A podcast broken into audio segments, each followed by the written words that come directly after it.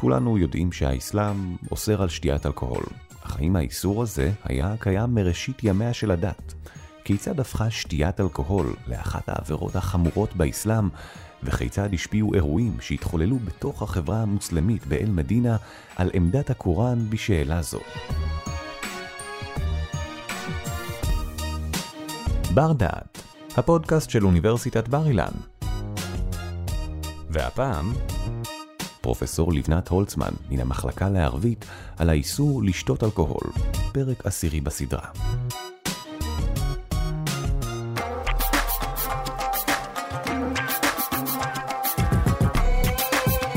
שלום, כאן לבנת הולצמן. בפרק הזה ובפרקים הבאים נדבר על מקורותיה של דת האסלאם, נסרטט קווים לדמותה ונעמוד על מושגים חשובים המתקשרים אליה. בשיחות שננהל כאן נעיין יחד במקורות המקודשים לאסלאם, הקוראן והחדית'. את הקוראן אנו קוראים על פי תרגומו של פרופסור אורי רובין.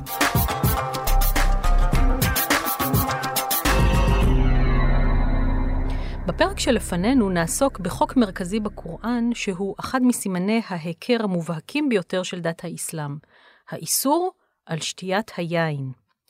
החוק הזה עבר מספר גלגולים בתקופת אל-מדינה, עד שהגיע לעיצובו הסופי. נבדוק מה עמדת הקוראן ביחס ליין, וכיצד השפיעו אירועים בתוך החברה המוסלמית באל-מדינה על עמדה זו. במהלך הפרק נזכיר את המושגים הבאים: נסח א-שרעי, שריעה, נסח, תחפיף, תכפיר וריג'ס. את הפרק היום אני רוצה לפתוח בעיון בפסוק 40 מתוך סורת אל-אחזאב, סורת המחנות, סורה מספר 33 בקוראן. פסוק זה קובע, ما كان محمد أبا أحد من رجالكم ولكن رسول الله وخاتم النبيين. מוחמד אינו אב לאיש מכם כי אם שליח אלוהים וחותם הנביאים. פחר א-דין ארזי, פרשן קוראן בכיר מהמאה ה-12, מחלק את הפסוק הזה לשני חלקים. החלק הראשון, מוחמד אינו אב לאיש מכם, מתקשר לסיפורם של זייד וזיינב שעליו דיברנו לפני שני פרקים, והוא זה שמתיר למוחמד ורק לו להינשא לאשת בנו החורג. החלק השני של הפסוק, מוחמד הוא שליח אלוהים וחותם הנביאים, מורה על כך שמוחמד הוא חתם הנביין, הנביא האחרון שנשלח לאנושות. בהיותו הנביא האחרון, אומר ארזי, החוקים שהביא הנביא הם החומלים ביותר, המדויקים ביותר בהכוונה שהם נותנים לדרך הישר, והמועילים ביותר לאדם. כלומר, מערכת החוקים של האסלאם היא המשוכללת מכל מערכת חוקים שקדמה לה. או במילים אחרות, מערכת החוקים האסלאמית השריעה מבטלת את הדתות הקודמות. הנביא היה אמנם הנביא האחרון לאנושות, אך מערכת החוקים שהביא השריעה לא הגיעה בבת אחת כיחידה הומוגנית שלמה. בפרקים הקודמים בסדרה זו יכולנו להתרשם שהשריעה שהותיר הנביא מוחמד עוצבה בהדרגה. אירוע מסוים התרחש, ובעקבותיו הורדה התגלות, תנזיל, בצורה של איה, כלומר בצורה של פסוק קוראן, המתייחס לאותו אירוע וקובע מסמרות. התנזיל הוא הנס הגדול ביותר שחולל הנביא מוחמד. בשונה מהנביאים המקראיים שקדמו לו ומישו מבשר הנצרות, מוחמד כמעט שלא חולל ניסים גשמיים. אנחנו ציינו שחלקים מההתגלות, למשל ההתגלות הראשונה, הגיעו בתיווכו של ג'יבריל, המלאך גבריאל, שהוא ישות רוחנית המגיעה מהרקיע העליון, ומתווכת בין אלוהים לנביא מוחמד. הנביא עצמו יוצא מהמצב היומיומי השגרתי שלו, נכנס למצב תודעה רוחני ומקבל את המסר השמימי. אבל בחלק מהמקרים ראינו שג'יבריל אינו מעורב במהלך ההתגלות, אלא שהמדובר ברשיה, מעין טראנס המלווה בעילפון. בסיום הטראנס, מדקלם הנביא את המסר המילולי שקיבל. במיוחד ראינו זאת בשני הפרקים הקודמים המתייחסים למעמד הנשים בקוראן ולשאלת החיג'אב. ההדרגתיות של ההתגלות נקראת תדריג', וכבר נמצאו מלומדים בכל הדורות שידעו להסביר אותה יפה. כך למשל, ג'לאל א-דין הסויוטי, המלומד המצרי בן המאה ה-15, אומר, התורה ירדה לבני ישראל בבת אחת, וקשה היה להם הדבר. הם סרבו לקבלה. אלוהים הכריח אותם, והם נאלצו לקבל את התורה בשלמותה. אבל הייתה חוכמה רבה בכך שהקוראן ירד למוסלמים בהדרגה, חלקים חלקים. לו היה הקוראן יורד על האנשים בבת אחת, רוב האנשים היו נמנעים מלקבל אותו בגלל כל המצוות והאיסורים שמופיעים בו. הסויוטי מצטט בעניין זה מדבריה של עיישה, אשת הנביא, שבבגרותה הפכה לפוסקת הלכה ומוסרת מסורות חשובה.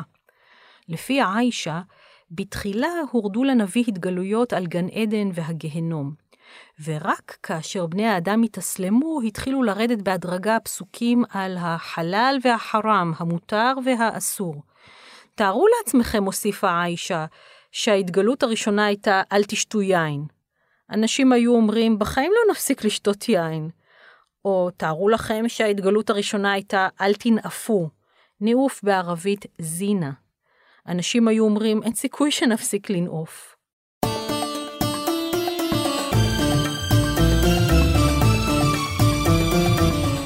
ברקע הדיון שלנו עומד עיקרון פרשני חשוב שהקוראן קובע בעצמו, והוא עיקרון הנסח, עיקרון הביטול. הקוראן עצמו קובע, מה ננסח מן איית או נונסיה, נאתי בי חיירין מנה או מפליה.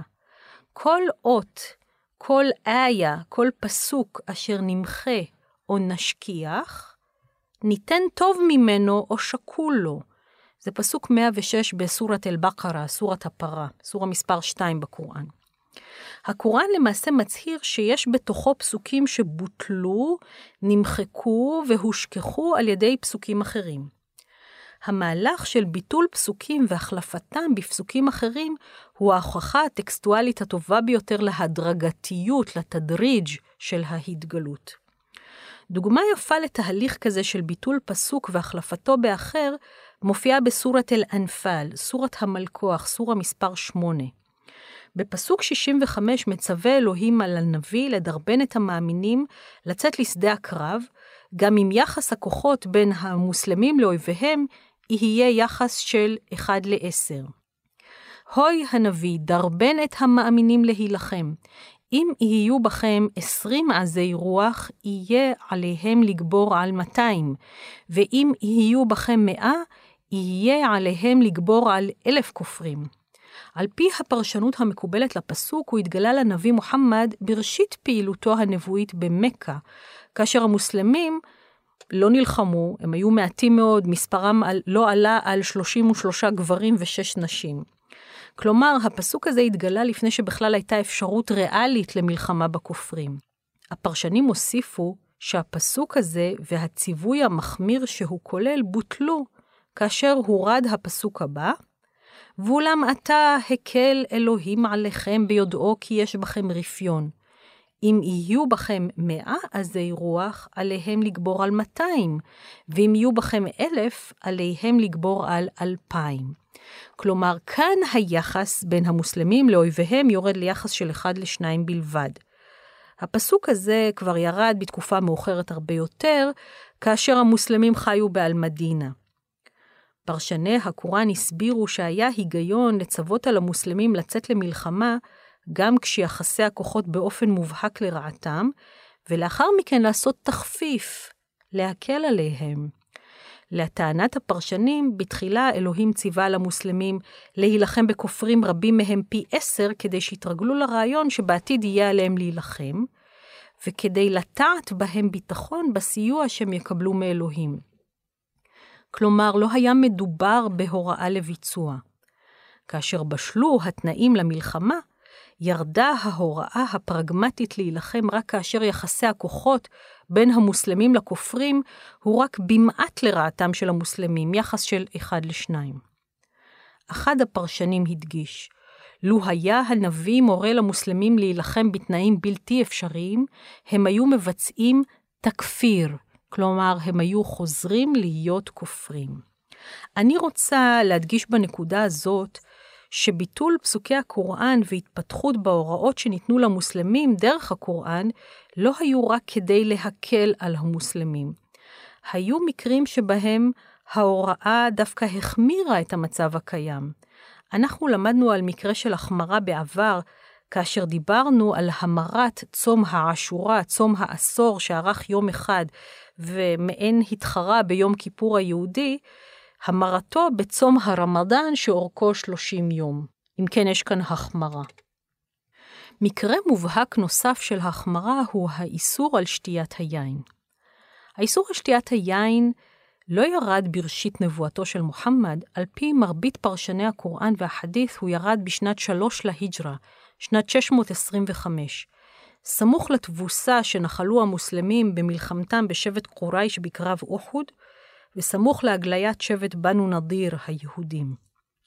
עם זאת, יש פרשנים המתארכים את האיסור על היין בשנת 6 להיג'רה, בסמוך לחתימת הסכם חודייביה, הסכם השלום בין מוחמד לאנשי קורייש, שעליו נדבר בפרק הבא.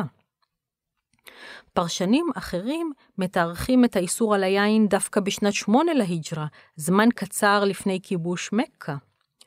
המקורות המוסלמיים, עם זאת, אינם מקשרים את האיסור על שתיית היין עם האירועים ההיסטוריים הללו, אלא מתייחסים לאווירה ששררה בתוך החברה המוסלמית באלמדינה ולהיבט המוסרי של האיסור על שתיית היין.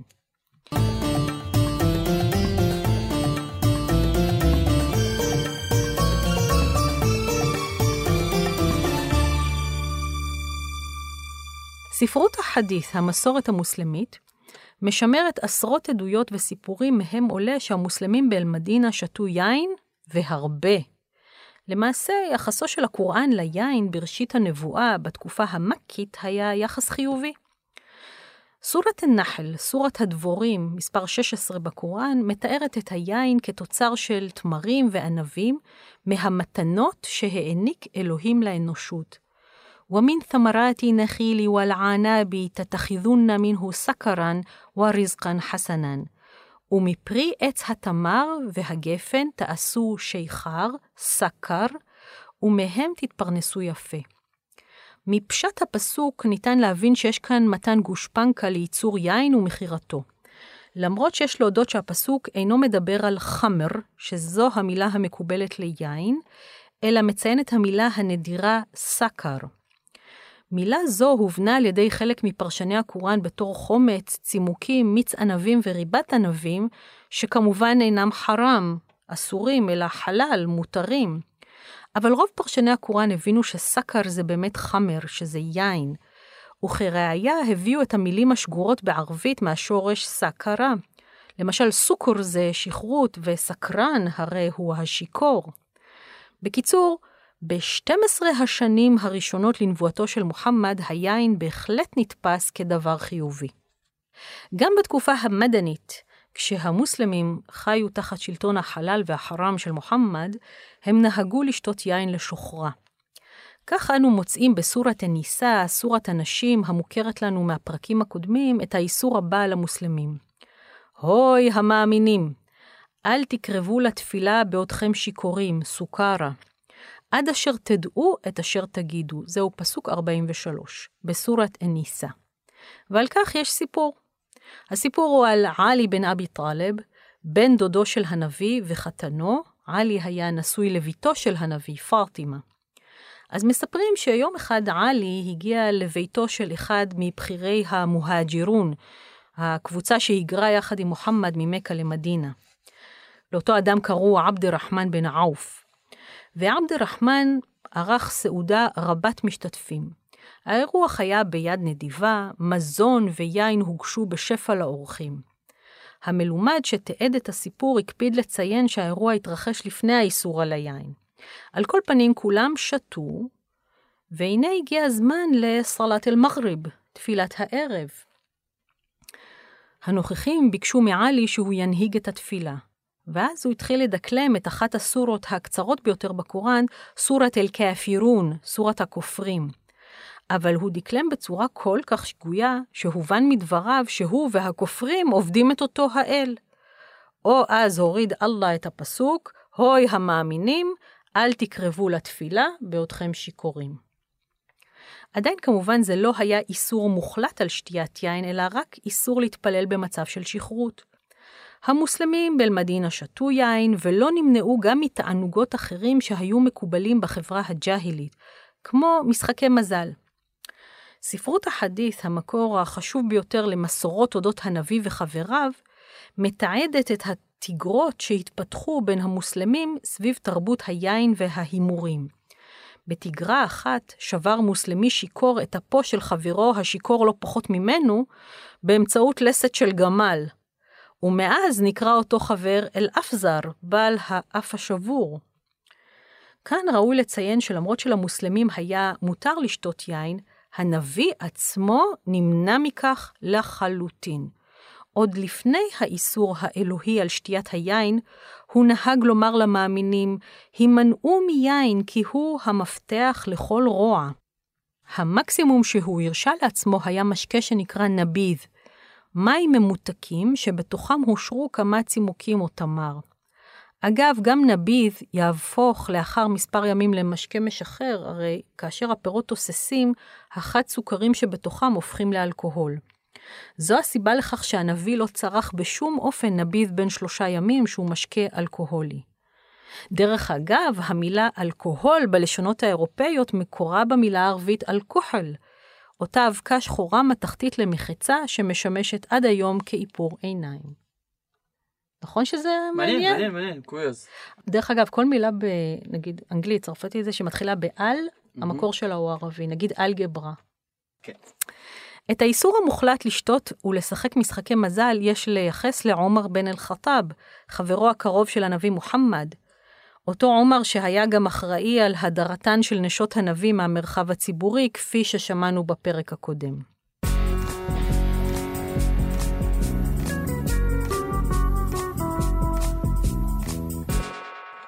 מסופר שעומר לא היה מרוצה מהאיסור להתפלל במצב של שכרות, והוא לחץ על הנביא לאסור על היין לחלוטין.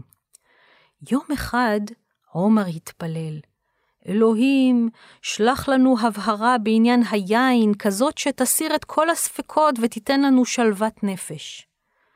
זמן קצר לאחר מכן, קיבל הנביא את ההתגלות הבאה המופיעה בסורת אל-מאעידה, סורה 5 בקוראן.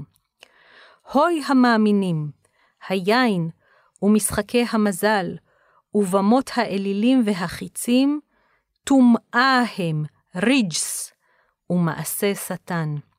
על כן רחקו מעליהם למען תעשו חיל.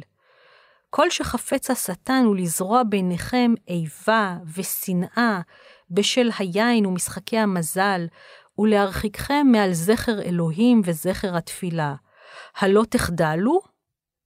בסוף הפסוק אתם רואים יש קריאה רטורית למאזינים, הלא תחדלו, פהל אנטו מונטהון, כלומר, האם אתם מקבלים על עצמכם את האיסור על שתיית היין, ושאר הדברים שפירטנו? כאשר שמע עומר את הפסוק הוא קרא בהתלהבות, אינתהיינה, אינתהיינה, חדלנו, חדלנו. הפרשנים גם מביאים עדויות של אנשים שהיו עדים למעמד בו דקלם הנביא לראשונה את פסוקי הקוראן הללו, האוסרים לחלוטין על שתיית היין.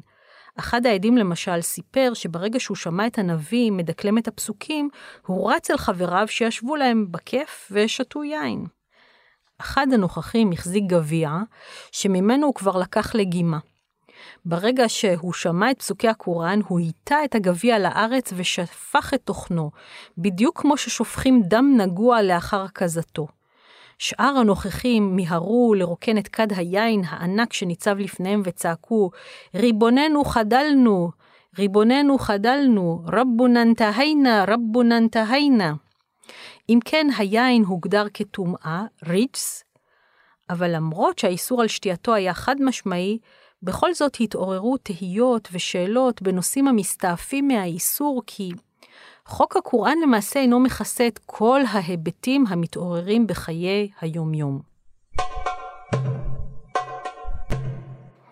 אני אבקש לחתום את שיחתנו בשלוש סוגיות כאלו שהתעוררו בימיו של הנביא. הסוגיה הראשונה נוגעת לקבוצה מבין חברי הנביא שנמנעה לא רק משתיית יין, אלא גם ממגע עם נשים, משינה ומאכילת בשר. בהחמרות שהטילו אנשים אלה על עצמם הם דמו לנזירים הנוצריים. האיסור על היין בצו האל היה בעבורם אות להחמיר את התנהגותם גם בתחומים אחרים. מה שקרה הוא שמוסלמים אחרים התחילו להתבלבל מההתנהגות של הקבוצה הזאת, ולכן אלוהים הוריד את הפסוק, הוי המאמינים, אל תאסרו את הדברים הטובים, טייבת, אשר התיר לכם אלוהים. איכלו מאשר שלח אלוהים לפרנסתכם, מן הכשר חלל ומן הטוב.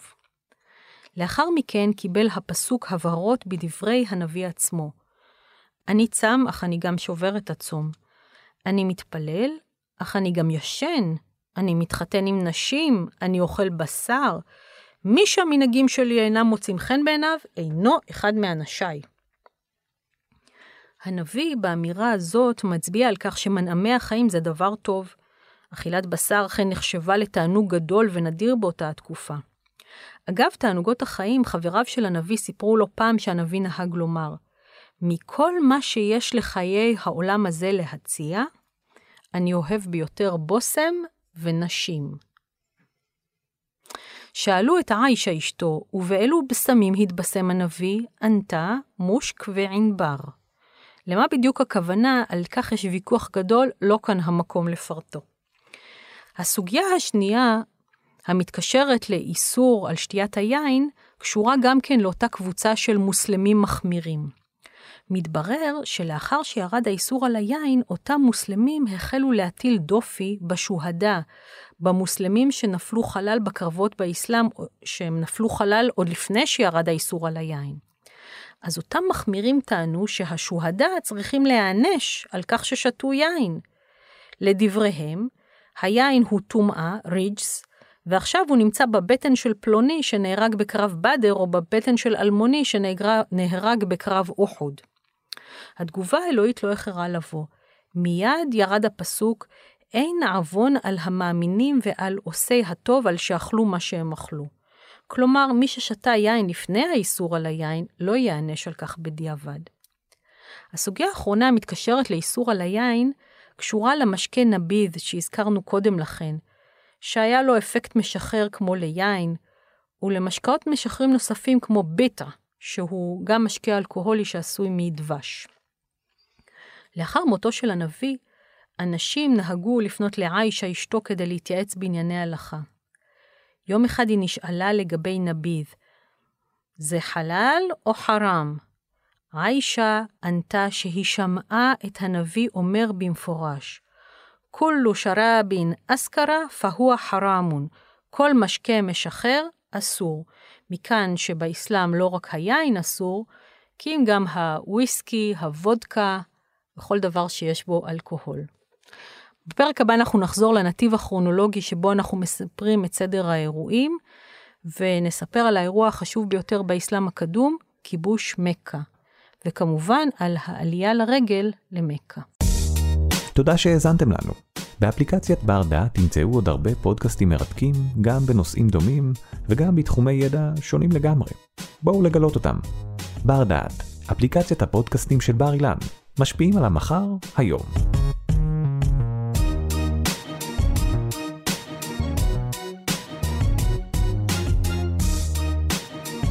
ערך והפיק אורי טולדנו.